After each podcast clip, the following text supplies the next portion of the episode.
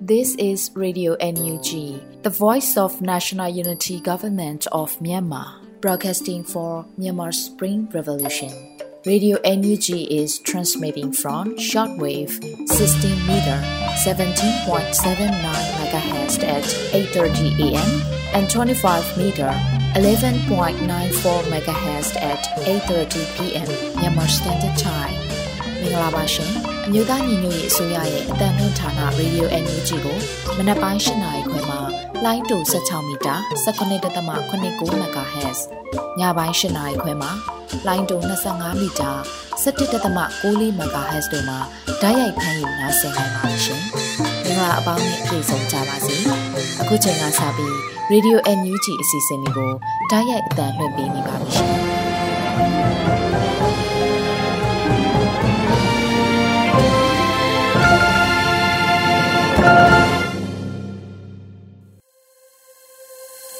မြန်မာနိုင်ငံသူနိုင်ငံသားအပေါင်းတဘာဝပြီးဆရာနာရှင်ပြည်တို့ကနေကင်းဝေးပြီးကိုစိတ်နှစ်ပါးဘေးကင်းလုံခြုံကြပါစေလို့ရေဒီယိုအန်ယူဂျီဖွယ်သားများကဆုတောင်းမြတ်တာပို့သလာရပါတယ်ရှင်။အခုချိန်ကစပြီးကာကွယ်ရေးဝန်ကြီးဌာနရဲ့စီရေးသတင်းချင်းချုပ်ကိုတော့မျိုးဦးမောင်မှဖတ်ကြားတင်ပြပေးပါရမရှင်။ယခုဆက်လက်ပြီးတင်ဆက်ပေးမှာကတော့ကာကွယ်ရေးဝန်ကြီးဌာနအမျိုးသားညီညွတ်ရေးအစိုးရမှထုတ်ဝေသောနိုင်စဉ်စီရေးသတင်းအချင်းချုပ်ပဲဖြစ်ပါတယ်။ကျွန်တော်ကတော့ຫນွေဦးမောင်ပါ။ နိုင်စဉ်စီရေးသတင်းအချင်းချုပ်ကိုတင်ဆက်ပေးပါမယ်။စစ်ကောင်စီတပ်သားတေဆုံတအူစစ်ကောင်စီတပ်သားဒဏ်ရာရတအူစစ်ကောင်စီနဲ့တိုက်ပွဲဖြစ်ပွားမှုသတင်းများကိုတင်ဆက်ပေးပါမယ်။စကိုင်းတိုင်းတွင်စက်တင်ဘာလ10ရက်နေ့မနက်10:35မိနစ်ခန့်က ကလေးမြို့နယ်ချမ်းမြေအောင်စီရက်ကွက်သို့လာရောက်သည့်စစ်ကောင်စီရင်နစီကိုဒေတာတွင်ပြည်သူ့ကာကွယ်ရေးအဖွဲ့ဖြစ်သည့် Operation Momo အဖွဲ့မှမိုင်းဆွဲတိုက်ခိုက်ခဲ့ရာစစ်ကောင်စီရင်တစည်းထိမှန်ပျက်စီးခဲ့ပြီးအထူးအခိုက်အသေးအဆုံးများနိုင်ကြောင်းသိရသည်။စက်တင်ဘာလ9ရက်နေ့မနက်7:00နာရီခန့်ကမြောင်မြို့နယ်ကြောက်ရည်ရဲစခန်းမှထွက်လာ၍ PDF ဟန်ဆောင်ကအရက်ဝတ်ဖြစ်သွားလာနေသောရဲနှုတ်ကိုပြည်သူ့ကာကွယ်ရေးတပ်မတော်စကိုင်းခရိုင်တရင်အမှတ်၄ MSPDF ငင်းကြံခရိုင်တရင်အမှတ်1 27 Revolution Force Burmese Guerrilla Force 11 Brother Force မြောင်ရင်းကြံခရိုင်တရင်အမှတ်3တက်ခွဲ1မြေလက် PDF ရင်းကြံခရိုင်တရင်အမှတ်3တက်ခွဲ2 TTA ပျောက်ကြားတပ်တောင်တာ PDF ရင်းကြံခရိုင်တရင်အမှတ်3တက်ခွဲ3 7 People Defense Force Scorpion People Defense Force MGN Black Tiger နဒိုဂျီ Regional Defense Force နဲ့ ရောင်ကျေးရွာတပ်ပေါင်းစုတပ်ဖွဲ့များပူးပေါင်း၍ပြစ်ခတ်ဖမ်းဆီးခဲ့ရာရဲတအုပ်သိမ်းဆုံးပြီးတအုပ်ဒဏ်ရာများဖြင့်ထွက်ပြေးလွတ်မြောက်ခဲ့ကြောင်းသိရပါတယ်။ဆက်လက်ပြီးစစ်ကောင်စီကျူးလွန်သောရာဇဝတ်မှုများကိုတင်ဆက်ပေးပါမယ်။ရှမ်းပြည်နယ်တွင်စက်တင်ဘာလ9ရက်နေ့ကရွာငံမြို့နယ်ရွာငံမြို့ပေါ်ရွာမရက်ကွက်မှအမျိုးသမီးတဦးကိုစစ်ကောင်စီတပ်ဖွဲ့များမှဖမ်းဆီးသွားခဲ့သည်။စကိုင်းတိုင်းတွင်စက်တင်ဘာလ10ရက်နေ့နေ့လယ်2:45မိနစ်ခန့်ကကန့်ဘလူမြို့နယ်ဇီကနာချေးရွာနာသို့ စစ်ကောင်စီတပ်သားများဝင်ရောက်ခဲ့ပြီးနေအိမ်များကိုမီးရှို့ဖျက်ဆီးခဲ့သည်။တနင်္လာရီတိုင်းတွင်စက်တင်ဘာလ10ရက်နေ့ကဒဝယ်မြို့နယ်ဝကုံးကျေးရွာအုပ်စုဘဝပင်ကျေးရွာရှိကြောက်တက်တာဖျားတောင်ပေါ်တွင်တပ်ဆွဲထားသည့်စစ်ကောင်စီတပ်ကဒေသခံတရားနီးပါးကိုဖမ်းဆီး၍လူသားတိုင်းအဖြစ်ပြုလုပ်ထားကြောင်းသိရသည်။စက်တင်ဘာလ9ရက်နေ့ညပိုင်းကဒဝယ်မြို့နယ်ဘုံမော်ရက်ခွက်စောမိညိုတွင်စစ်ကောင်စီမှအဲစင်းစစ်၍လူငယ်၈ဦးကိုဖမ်းဆီးသွားပြီး တဦးလင်2000ကျပ်ဖြင့်ပြန်ထုတ်လာခဲ့ရသည်စက်တင်ဘာလ9ရက်နေ့နေ့လယ်3:28မိနစ်ခန့်ကဒဝယ်မြို့နယ်ဒဝယ်မှရေဖြူဘက်သို့လာသည့်တောင်းနစ်အဖြူအမိုးဖွင့်ကားတစ်စီးအိရှိပြင်ဂိတ်အထွက်တွင်ဖမ်းခံရပြီးကားမောင်းလာသူကိုမျက်လုံးပိတ်ထားကခလာရ25တိုင်ရင်ထဲသို့ခေါ်သွားခဲ့သည်ယခုတက်ဆက်ပေးခဲ့တာကတော့ကာကွယ်ရေးဝန်ကြီးဌာနအမျိုးသားညီညွတ်ရေးအစိုးရမှထုတ်ဝေသောနိုင်စဉ်စည်ရေးသတင်းအကျဉ်းချုပ်ပဲဖြစ်ပါတယ်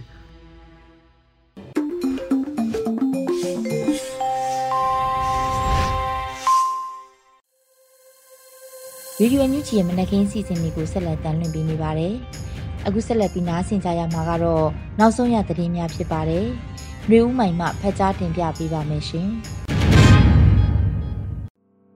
မင်္ဂလာပါရှင်။ခုချိန်ကစပြီး Radio UNG ရဲ့မနက်ခင်းသတင်းများကိုဖတ်ကြားပေးပါတော့မယ်။ကျွန်မနှွေဦးမိုင်ပါ။တော်လှန်ရေးဟာအချိန်တိုင်းအရေးကြီးသဖြင့်တန်ဖိုးထားပြီးအလုပ်လုပ်ကြရန်ပြည်တော်စုဝင်ကြီးချုပ်မန်းဝင်းခိုင်တန်းဆိုလိုက်တဲ့သတင်းကိုဥစွာတင်ပြပေးပါမယ်။ တော်လှန်ရေးဟာအချိန်တိုင်းအရေးကြီးသဖြင့်တန်ဖိုးထားပြီးအလုပ်လုပ်ကြရန်ပြည်တော်စုဝင်ကြီးချုပ်မန်းဝင်းခိုင်တန်းကဆိုပါတယ်ဂျားကာလာဒေသန္တရပြည်သူ့ချုပ်ရေးဖော်ဆောင်မှုဗဟိုကော်မတီအစည်းအဝေးအမှတ်စဉ်28မြင်းဆောင်2022ကျင်းပရာမှာဝင်းကြီးချုပ်ကပြောကြားခဲ့ပါတယ်။တယံဇာရစီမံခန့်ခွဲမှုကိစ္စရပ်များအားစနစ်တကျပြုလုပ်ရန်လိုအပ်ကြောင်းကာကွယ်ရေးဝန်ကြီးဌာနနဲ့ပြည်ထရေးနဲ့လူမှုကြီးကြပ်ဝန်ကြီးဌာနများမှာလုပ်ငန်းများအလွန်များပြားသဖြင့်စနစ်တကျလုံနိုင်သူများအား တာဝန်ပေးရန်လိုအပ်ကြောင်းတော်လှန်ရေးဟာအချိန်တိုင်းအရေးကြီးသဖြင့်အချိန်တိုင်းကိုတံမိုးထားပြီးအလုပ်လုပ်ကြရန်လိုအပ်ကြောင်းကော်မတီ၏တစ်နှစ်ပြည့်အစည်းအဝေးခန်းစာအားကဘိနက်တွင်တင်ပြပြီးအခြားဝန်ကြီးများ၏အကြံဉာဏ်များကိုယူရန်လိုအပ်ကြောင်းရှေ့လုပ်ငန်းစဉ်ပါလုပ်ငန်းများကိုပြီးပြတ်အောင်လှုပ်ဆောင်ပေးဖို့ဝန်ကြီးချုပ်ကပြောကြားခဲ့ပါတယ်။ဆက်လက်ပြီးတက်ရောက်လာကြသောဂျာကာလဒေသန္တရပြည်သူ့အုပ်ချုပ်ရေးဖော်ဆောင်မှုဗဟိုကော်မတီအဖွဲ့ဝင်များမှ 29မြင်းဆောင်2022တွင်ချမှတ်ထားသောဆုံးဖြတ်ချက်များ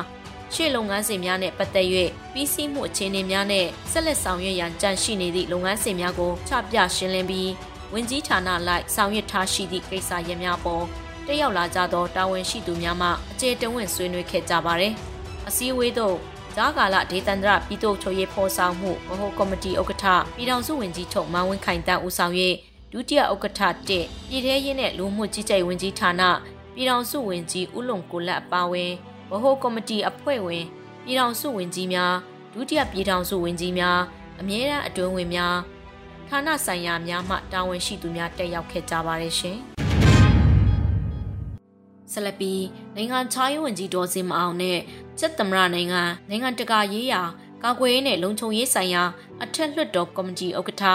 မစ္စတာဘာဘယ်ပက်ရှာတို့တွေ့ဆုံဆွေးနွေးတဲ့သတင်းကိုတင်ပြပေးပါမယ်။နိုင်ငံခြားရေးဝန်ကြီးဒေါ်စင်မအောင်နဲ့ချက်သမရနိုင်ငံနိုင်ငံတကာရေးရာကာကွယ်ရေးနဲ့လုံခြုံရေးဆိုင်ရာအထက်လွှတ်တော်ကော်မတီဥက္ကဋ္ဌမစ္စတာပါဗယ်ဘရှာတို့တွေ့ဆုံဆွေးနွေးခဲ့ပါတယ်။အမျိုးသားညီညွတ်ရေးအစိုးရ NUG နိုင်ငံခြားရေးဝန်ကြီးဒေါ်စင်မအောင်ဦးဆောင်သောကိုယ်စားလှယ်အဖွဲ့အားချစ်သမရနိုင်ငံနိုင်ငံတကာရေးရာကာကွယ်ရေးနဲ့လုံခြုံရေးဆိုင်ရာအထက်လွှတ်တော်ကော်မတီဥက္ကဋ္ဌမစ္စတာဘာဗယ်ဖက်ရှာကအ ထက်လွှတ်တော်ရှိ၎င်း၏ရုံခန်းတွင်စက်တင်ဘာလ6ရက်နေ့ဒေသစံတော်ချိန်ညနေ3နာရီကလက်ခံတွေ့ဆုံခဲ့ပါတယ်။တွေ့ဆုံမှုမှာမစ္စတာဘာဗယ်ဖက်ရှာကပွဲလွန်သူချစ်သမရဟောင်းမစ္စတာဘာကလက်ဟာဗယ်လက်ချက်ကရီးယားဒီမိုကရေစီနဲ့လူ့အခွင့်အရေးအတွက်ရုန်းကန်လှုပ်ရှားနေကြသောမြန်မာပြည်သူများနဲ့အတူတပ်သားတွေရှိကြောင်း CRPH အဖွဲ့ဝင်နိုင်ငံရေးအကျဉ်းသူဟောင်း NUG နိုင်ငံခြားရေးဝန်ကြီးဒေါ်စင်မအောင်အောင်ယခုလိုလက်ခံတွေ့ဆုံခွင့်ရခြင်းအတွက်အ ထူးဂုဏ်ယူကြောင်းပြောကြားခဲ့ပါတယ်။ဒါ့အပြင်မစ္စတာပါဗယ်ဘရှာကနေပြည်တော်အကြမ်းဖက်အုပ်စုကဒေါ်အောင်ဆန်းစုကြည်အပေါ်မတော်မတရားအလုပ်ကြားနဲ့ထောင်ဒဏ်များချမှတ်နေမှုအားရင်းနှံစွာကန့်ကွက်ရှုတ်ချကြောင်းမြန်မာနိုင်ငံတွင်ဒီမိုကရေစီနည်းကျရွေးကောက်ပွဲများကရွေးကောက်တင်မြှောက်ခံထားရသူခေါင်းဆောင်များအားအကြမ်းဖက်ဖိနှိပ်မှုများအတွက်စစ်ရာရှိများအနေဖြင့်တာဝန်ရှိကြောင်းဒီမိုကရေစီနည်းကျရွေးကောက်ခံကိုယ်စားလှယ်များအားအကြမ်းဖက်ဖိနှိပ်မှုများအရှိန်ဖြင့်လှုံ့ဆော်နေသည့်စစ်အရာရှိများအနေနဲ့ နောက်ဆုံးစကားပင်ပြောနိုင်စရာမရှိကြောင်းဒီမိုကရေစီဒီတာမူချအောင်မြင်ပြီဖြစ်ကြောင်းလည်း၎င်းကပြောဆိုခဲ့ပါတယ်။ NUG နိုင်ငံခြားရေးဝန်ကြီးဒေါ်စင်မအောင်ကလည်းမြန်မာနိုင်ငံ၏လက်ရှိအခြေအနေ NUG အစိုးရ NUCC မဟာမိတ်တိုင်းသားလက်နက်ကိုင်ဖွဲ့များနိုင်ငံရေးပါတီများတပိတ်အဖွဲ့များလူမှုအသင်းအဖွဲ့များ Federal ပြည်ငယ်အပါအဝင် PDF LPDF ပြည်သူ့ကာကွယ်တပ်ဖွဲ့များရခိုင်ကဏ္ဍအားယင်းနှီးပွင့်လင်းစွာပြောကြားခဲ့ပါတယ်ရှင်။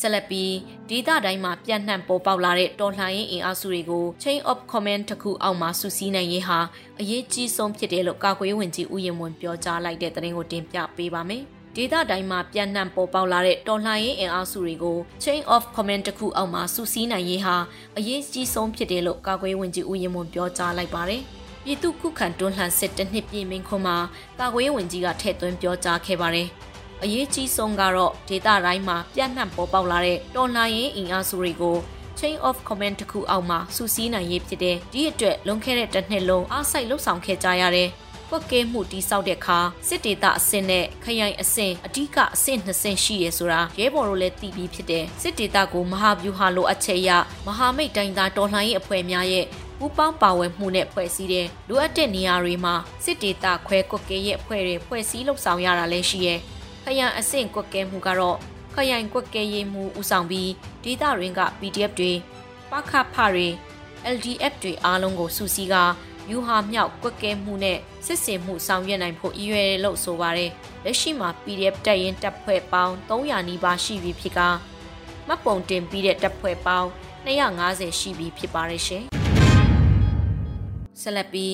Interview at 6.5 mal ရှယ်ယာ3000ကျော်ရောင်းချပြီးဖြစ်ကအမေရိကန်ဒေါ်လာ3တန်းကျော်ရရှိထားတဲ့သတင်းကိုတင်ပြပေးပါမယ်။ Interview at 6.5 mal ရှယ်ယာ3000ကျော်ရောင်းချပြီးဖြစ်ကအမေရိကန်ဒေါ်လာ3တန်းကျော်ရရှိထားပြီးပြီလို့ EOD ကဆိုပါတယ်စက်တင်ဘာ10ရက်နေ့မှာ Indop Detectorship ကအသိပေးဖော်ပြပါတယ်အဆိုပါ interview at 6.5 mal ကလည်းမနေ့ကတင်ဒေါ်လာ3တန်းကျော်သွားပြီး ရှယ်ယာ9000မှာ3000ကျော်ရောင်းပြီးပြီပေါ့ကာလတန်ဖိုးရဲ့3ပုံတပုံပဲဈေးဖြတ်ထားတာဆိုတော့တော်လှန်ရင်ပြီးတာနဲ့နှစ်ဆကတေချာပေါက်မြက်ပြီးသားဖြစ်လို့စုမိရင်စုမိတယ်လို့ဝယ်ထားတော်လှန်ရေးလည်းအမြန်ပြီးအကျိုးမြက်လည်းကြာမှာဖြစ်လို့ဝေရှိလို့ရွှေဝယ်ထားအိမ်ဝယ်ထားတာထက်ပိုပြီးတိုင်းပြည်အတွက်ရောကိုယ့်အတွက်ပါအကျိုးရှိမှာအသေးချာနောက်တစ်ချိန်ကိုပြေကိုမြေမှာအခြေပြန်ချဖို့စဉ်းစားထိုင်လဲစုဆောင်းငွေကိုဗန်ထဲတင်ထားမဲ့အစားချင်းကြားရှင်းမဲ့ငွေဖြစ် ပြောင်းလဲပြီးဝယ်ထားတဲ့ Interview at 6.5 mil ရဲ့ share တွေပါလို့ဆိုပါတယ်။မြေအောင်နိုင်ရဲ့ပိုင်ဆိုင်မှုတွေထဲကရန်ကုန်မြို့6မှန်ခွဲရှိမြေနဲ့အင်ကိုဒေါ်လာတန်း20ကျော်တန်တော့လဲဒေါ်လာ9တန်းနဲ့သာ EOD ကရောင်းချပေးနေတာဖြစ်ပါတယ်။မြေနဲ့အင်ရဲ့ကာလတန်ဖိုးကဒေါ်လာတန်း20ကျော်တန်ကျေးရှိတော့လဲကျိုးပွိုက်မို့ဒေါ်လာ9တန်းနဲ့ Financial Right ကိုအစုရှယ်ယာအနေနဲ့တစုကူဒေါ်လာ100နဲ့ရှယ်ယာပေါင်း9000တိတိကိုရောင်းချပေးမှာဖြစ်ပါတယ်ရှင်။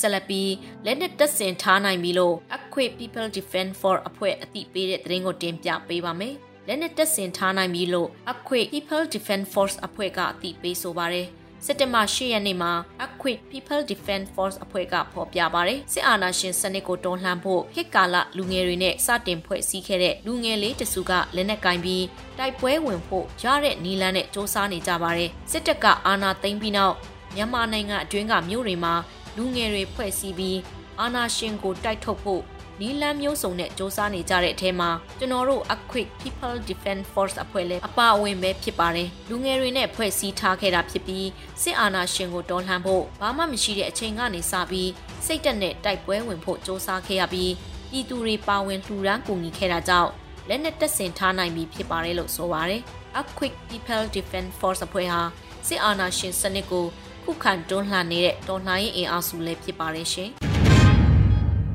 ဆက်လက်ပြီးဒီဘဲရင်စစ်ဆေးရေးဂိတ်များအားရှော့တုံးများနဲ့ပြစ်ခတ်၍စစ်ကောင်စီတပ်ဖက်က၄ဦးသေဆုံးခဲ့တဲ့တဲ့ရင်ကိုတင်ပြပေးပါမယ်။ဒီဘဲရင်စစ်ဆေးရေးဂိတ်များအားရှော့တုံးများနဲ့ပြစ်ခတ်၍စစ်ကောင်စီတပ်ဖက်က၄ဦးသေဆုံးခဲ့ပါတယ်။စစ်တင်ဘာ၈ရက်မနက်6:30အချိန်မှာမဟာမိတ်တပ်များနဲ့ပူးပေါင်းတိုက်ခိုက်ခဲ့တယ်လို့ ကောင်းကင် PDF ကအတည်ပြုဆိုပါတယ်။စစ်တင်ဘာ၈ရက်မနက်6နာရီခွဲအချိန်ခန့်မှစ၍ဘဲရင်စစ်စေးရေးကိတ်များအားကောင်းကင် PDF ၊ဘူဇီယာ PDF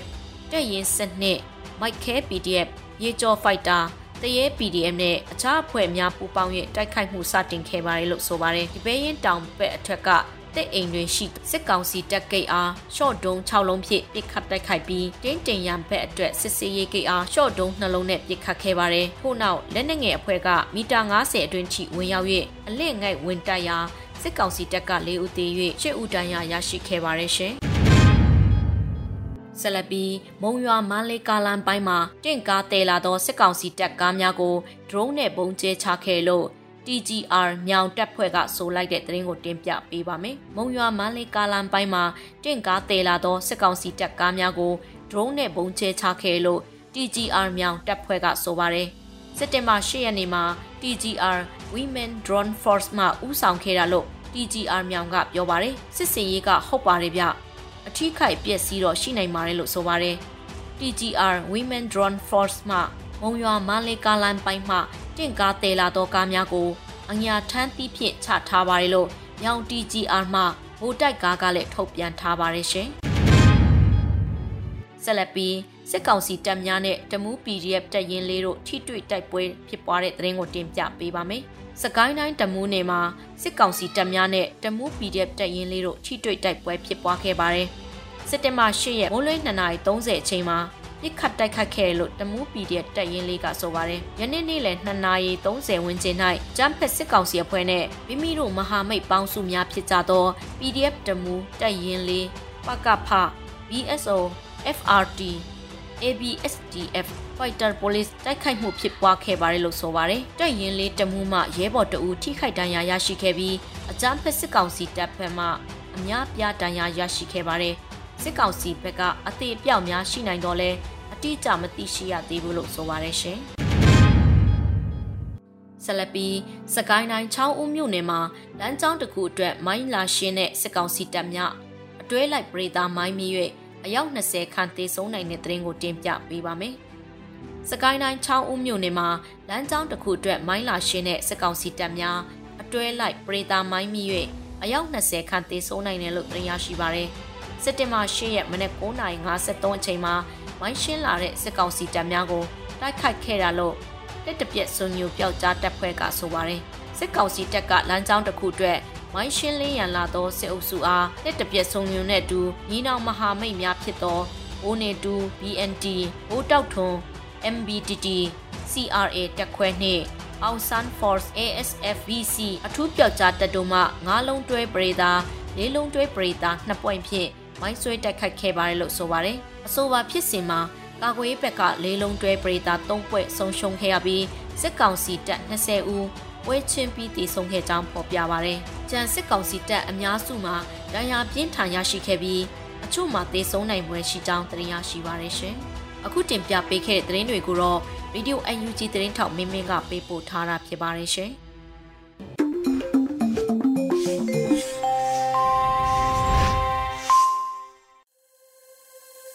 ရီယူအန်ယူဂျီပရိသတ်တွေအတွက်ကူးဆက်လက်ပြီးထုတ်လွှင့်ပေးမှာကတော့တော်လှန်ရေးတိဂီတာအစီအစဉ်ဖြစ်ပါတယ်။2021လို့အမည်ရတဲ့တော်လှန်ရေးတိဂီတာကိုတေးရင်ຫນွေဦးမိုးတေးဆူတော်လှန်ပြည်သူများကတီးဆူထားတာကိုနားဆင်ကြရတော့မှာဖြစ်ပါရဲ့ရှင်။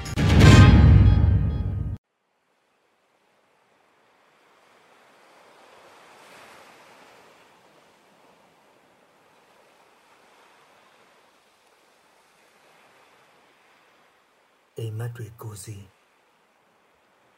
ရောင်နေကိုလှမ်းမဲ့ခြေလမ်း February ကြမှာငင်တော့ဆုံးပါလီလန်းသင်းဝေလိုက်အညော့အဖိုးတွေຫນွေဦးမှာဖုံးမယ်ဟန်တော့အကိုင်းမချမ်းအခက်လဲခြိုင်တော့ကြွေစင်းရလေအတ္တကိုချမ်းသစ္စာကိုရန်လို့ မိစ္ဆာကိုဖိုဝင်ထိုးမယ်ကျုံဝါတိမှန်နိုးထားရပြန်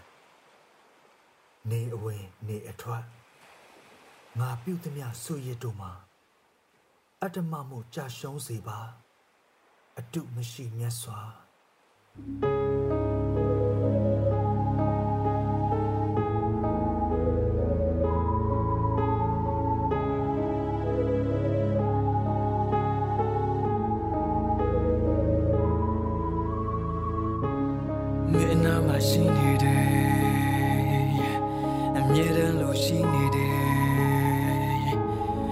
ရှောက်တဲ့လမ်းမှာသွေးစွန်ပေးထင်းနေတယ်ရှူရှိုက်တဲ့လေတဲ့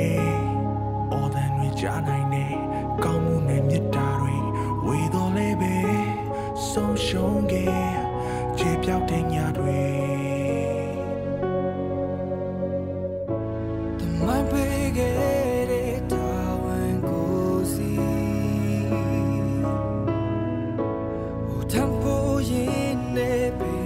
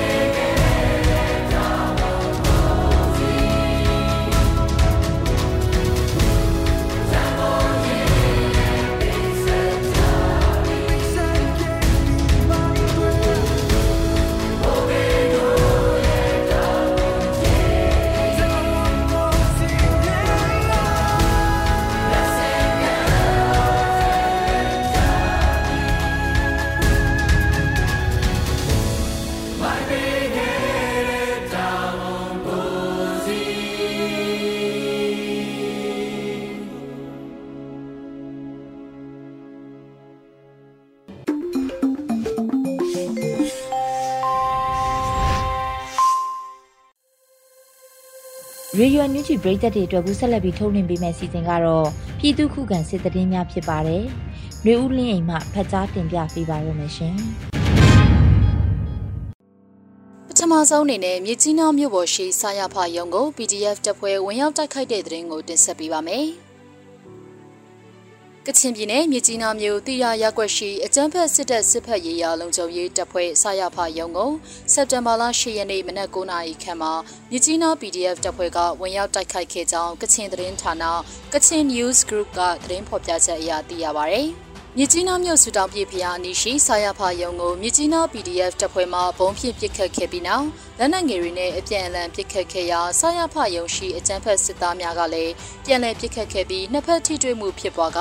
အကြမ်းဖက်စစ်တပ်ဘက်မှထိခိုက်ဒေဆုံးမှုရှိမရှိကိုအတိမပြုနိုင်သေးပဲ PDF တပ်ဖွဲ့များအထိခိုက်မရှိဆုတ်ခွာနိုင်ခဲ့ကြောင်းသိရပါဗျ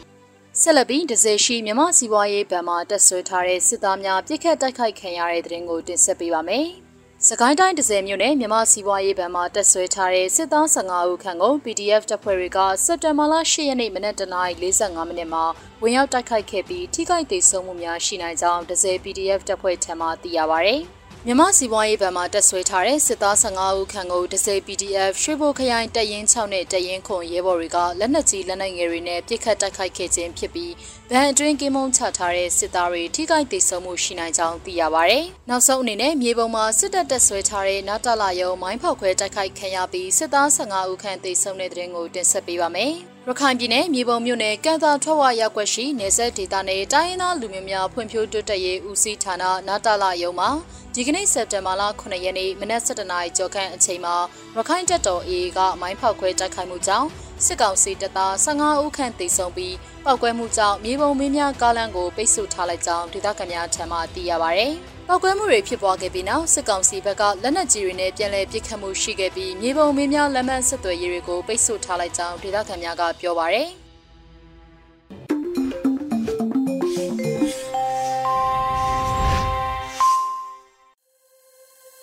ရေရွယ်ညူချီမှာဆက်လက်တမ်းလွှင့်ပေးနေပါတယ်။ အခုဆက်လက်ပြီး PPTV ရဲ့နေ့စဉ်သတင်းများကိုမျိုးတော်တာမှဖတ်ကြားတင်ပြပေးပါရမရှင်။အခုချိန်ကစပြီး PPTV သတင်းတွေကိုတင်ဆက်ပေးတော့မှာပါ။ကျွန်မမျိုးတော်တာပါ။ပထမဆုံးတင်ဆက်ပေးမှာကတော့ကျွေးကြော်တန်စောင်းပုံနဲ့ profile picture frame design တွေပေးပို့ခဲ့ကြသူတွေကိုတဦးတယောက်ချင်းစီအလိုက်ကျေးဇူးတင်တယ်လို့ NUCC ပြောကြားလိုက်တဲ့သတင်းမှာ အမျိုးသားညွရေးအတိုင်ပင်ခံကောင်စီ NUCC ကပြုလုပ်ခဲ့တဲ့ကျွေးကြော်တန်စောင်းပုံနဲ့ profile picture frame design ဖိတ်ခေါ်ပွဲမှာတော်လိုင်းရေးစိတ်တက်ထက်သန်စွာနဲ့ပေးပို့ခဲ့ကြသူတွေကိုတဦးချင်းတယောက်ချင်းစီအလိုက်လေးစားစွာအတိမတ်ပြုကျေးဇူးတင်တယ်လို့ NUCC ကပြောကြားလိုက်ပါတယ်။89ကြိမ်မြောက်ကုလသမဂ္ဂအထွေထွေညီလာခံမှာအကြမ်းဖက်စစ်အုပ်စုအားလက်မခံဘဲအမျိုးသားညွရေးအစိုးရကိုအတိမတ်ပြုလက်ခံရင်းနဲ့ တာမတ်ကြီးဦးကျော်မိုးထွန်းအားမြန်မာအမြဲတမ်းကိုယ်စားလှယ်ဖြစ်ဆက်လက်ထားရှိရေးအတွက်ရည်ရွယ်ပြုလုပ်မဲ့ Global and Local Action Campaigns တွေမှာအသုံးပြုမဲ့ကြွေးကြော်သံစောင်းပုံနဲ့ profile picture frame design ဖိတ်ခေါ်ပွဲကိုအဂတ်လ၁ရက်နေ့ကနေ21ရက်အထိပြုလုပ်ခဲ့တာပါအဲ့ဒီဖိတ်ခေါ်ပွဲကိုတော်လိုင်းရေးစိတ်သက်ထက်သန်စွာနဲ့ကြွေးကြော်သံစောင်းပုံနဲ့ profile picture frame design များပေးပို့ခဲ့ကြသူတဦးချင်းစီအားအမျိုးသားညွရေးအတိုင်ပင်ခံကောင်စီ NUCC ကိုစားလေးစားအသိမှတ်ပြုလျက်ကျေးဇူးအထူးတင်ရှိပါတယ်ဆိုပြီးကြေညာချက်မှာဖော်ပြထားတာပါအသုံးပြုမဲ့ကြွေးကြော်တန်တဲ့ဆောင်ပုတ်တွေကအကြမ်းဖက်စစ်တပ်ဖယ်ရှားရဲ့ NUG ကိုလက်ခံပေး Reject Military Accept NUG တိုးတန်အမတ်ကိုလက်ခံပါအာနာရှင်ကိုညင်းပယ်ကပြည်မြမကိုကယ်တင်ပါ Reject the Dictator Accept Our Ambassador Safe Myanmar တို့ပဲဖြစ်ပါတယ်အခုတဆက်ပေးမှာကတော့အကြမ်းဖက်စစ်တပ်ကပြည်သူကိုဦးကိုလူသားတိုင်းအဖြစ်အသုံးချပြီးအတမဖန်ဆီးခဲ့တယ်လို့ KNU ထုတ်ပြန်လိုက်တဲ့သတင်းမှာ KNU တထုံခရိုင်ဘီလေးမြို့နယ်ထဲမှာအကြံပဲစစ်တပ်ကပြည်သူကိုဦးကိုလူသားတိုင်းအဖြစ်အသုံးချပြီးအတမဖန်ဆီးခေါ်ဆောင်သွားတယ်လို့ KNU ဗဟိုကသတင်းထုတ်ပြန်လိုက်ပါတယ်။ ဘီလေးမြို့နယ်ကအကြမ်းဖက်စစ်တပ်ရဲ့လေးကေစကံမှာနေရာလှဲဖို့တက်ချင်းသွားတဲ့အခါမှာအခုလိုမျိုးပြည်သူတွေကိုလူသားတိုင်းအဖြစ်အသုံးချခဲ့တာပါ။လူသားတိုင်းအဖြစ်ပြည်သူတွေကိုအသုံးချခဲ့တာကအကြမ်းဖက်စစ်တပ်ရဲ့ခမာယ401ခမာယ410ပူပေါင်းတပ်တွေကလေကေစကန်ကနေဝင်တာပန်စကန်ကို နေရာလဲလှယ်တက်ချင်းတဲ့အချိန်မှာသေသားခံတွေကိုလူသားတိုက်အဖြစ်အသုံးချခဲ့တာဖြစ်ပြီးတော့ လူသားတိုက်အဖြစ်အသုံးချခံရသူတွေကကောင်းမဲကျေးရွာနဲ့တာဘော်ခီကျေးရွာတို့ကရွာသား6ဦးနော့ကတိုးခီကျေးရွာက2ဦးကြောက်တောင်ကျေးရွာမှာရွာသားတအူနှုတ်တလာအောကျေးရွာမှာရွာသားတအူတို့ဖြစ်တယ်လို့ KNU ဗဟိုရဲ့ထုတ်ပြန်ချက်မှာဖော်ပြထားပါတယ်။ အဲ့ဒီကိုဦးတွေကကာမဲရွာနဲ့တာဘော့ခီရွာကရွာသား6ဦးကိုအကြမ်းဖက်စစ်တပ်က6ရက်နေ့မှာပြန်လွှတ်ပေးခဲ့ပေမဲ့လည်းနော့ကတိုခီကြောက်တောင်နဲ့နို့တလာအော်ကျေးရွာတွေမှာရွာသား3ဦးကိုမူပြန်လွှတ်ပေးတာမျိုးမရှိဘဲစက်တဘာလ9ရက်ညနေ9နာရီမှာအကြမ်းဖက်စစ်တပ်ရဲ့ပိနေတော့စကန်ကိုလူသားတိုင်းအဖြစ်အသုံးပြုပြီးခေါ်ဆောင်သွားတယ်လို့ထုတ်ပြန်ချက်မှာဖော်ပြထားပါတယ် ကရင်အမျိုးသားလွတ်မြောက်ရေးတပ်မတော် KNLA ကရင်အမျိုးသားကာကွယ်ရေးအဖွဲ့ KNTO မဟာမိတ်တော်လိုင်းအင်အားစုတွေကအောက်ဂတ်စ်လ30ရက်မှာအကြမ်းဖက်စစ်တပ်ရဲ့လေးကေစကန်ကိုတက်ချင်းဖို့စစ်ကြောင်းထိုးပြီးရောက်လာတဲ့အကြမ်းဖက်စစ်တပ်ကိုတိုက်ခိုက်မှုတွေပြုလုပ်ခဲ့တဲ့အတွက်အကြမ်းဖက်စစ်တပ်ဘက်က6ဦးသေပြီး2ဦးတန်ရာရခဲ့တာပါကျေးဇူးတင်ပါတယ်ရှင်ဒီကနေ့ကတော့ဒီညနဲ့ပဲ Radio NUG ရဲ့အစီအစဉ်လေးကိုခਿੱတရနာလိုက်ပါမယ်ရှင်။ မြန်မာစံတော်ချိန်မနက်၈နာရီခွဲနဲ့ည၈နာရီခွဲအချိန်တွေမှာပြန်လည်ဆုံတွေ့ကြပါစို့။ Radio NUG ကိုမနက်ပိုင်း၈နာရီခွဲမှာလိုင်းတူ16မီတာ19.8 MHz ညပိုင်း၈နာရီခွဲမှာလိုင်းတူ25မီတာ17.6 MHz တို့မှာဓာတ်ရိုက်ဖမ်းလို့နိုင်စေနိုင်ပါပြီ။မြန်မာနိုင်ငံသူနိုင်ငံသားတွေကိုစိတ်နှပြ